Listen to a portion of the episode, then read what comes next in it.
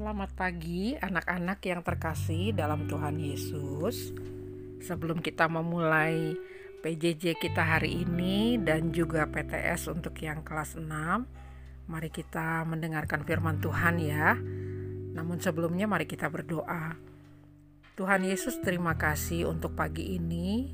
Kami bangun dalam keadaan sehat dan sekarang kami mau mendengarkan firman-Mu Tuhan.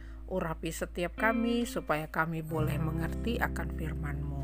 Di dalam nama Tuhan Yesus Kristus kami sudah berdoa. Amin.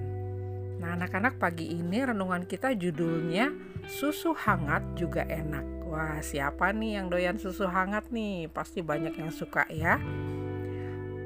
Firman Tuhan pagi ini diambil dari Hosea 14 ayat 10. Siapa yang bijaksana biarlah ia memahami semuanya ini. Kata-kata bijaknya nih, memahami hal benar akan menolong kita untuk melakukan yang benar. Kalau Tito sedang batuk dan sakit tenggorokan, minuman dingin akan membuat Tito batuk-batuk lagi, kata Mama menjelaskan. Mengapa Tito tidak boleh minum susu dingin?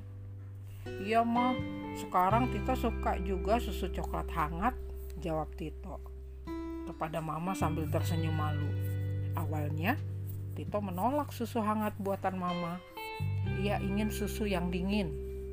Namun setelah minum susu hangat, Tito merasakan lebih nyaman tenggorokannya. Apalagi setelah Tito memahami kalau minuman hangat baik ketika ia sakit tenggorokan. Anak-anak memahami hal benar akan menolong kita untuk melakukan yang benar.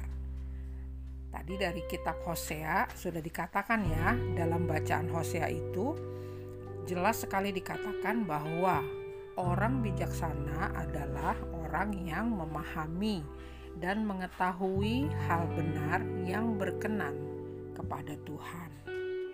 Nah, anak-anak, Mari kita terus belajar mengetahui kebenaran firman Tuhan yang telah Tuhan berikan kepada kita. Mari kita berdoa. Bapa di surga, terima kasih atas firman-Mu yang dapat aku baca setiap hari melalui Alkitab. Dalam nama Tuhan Yesus aku berdoa.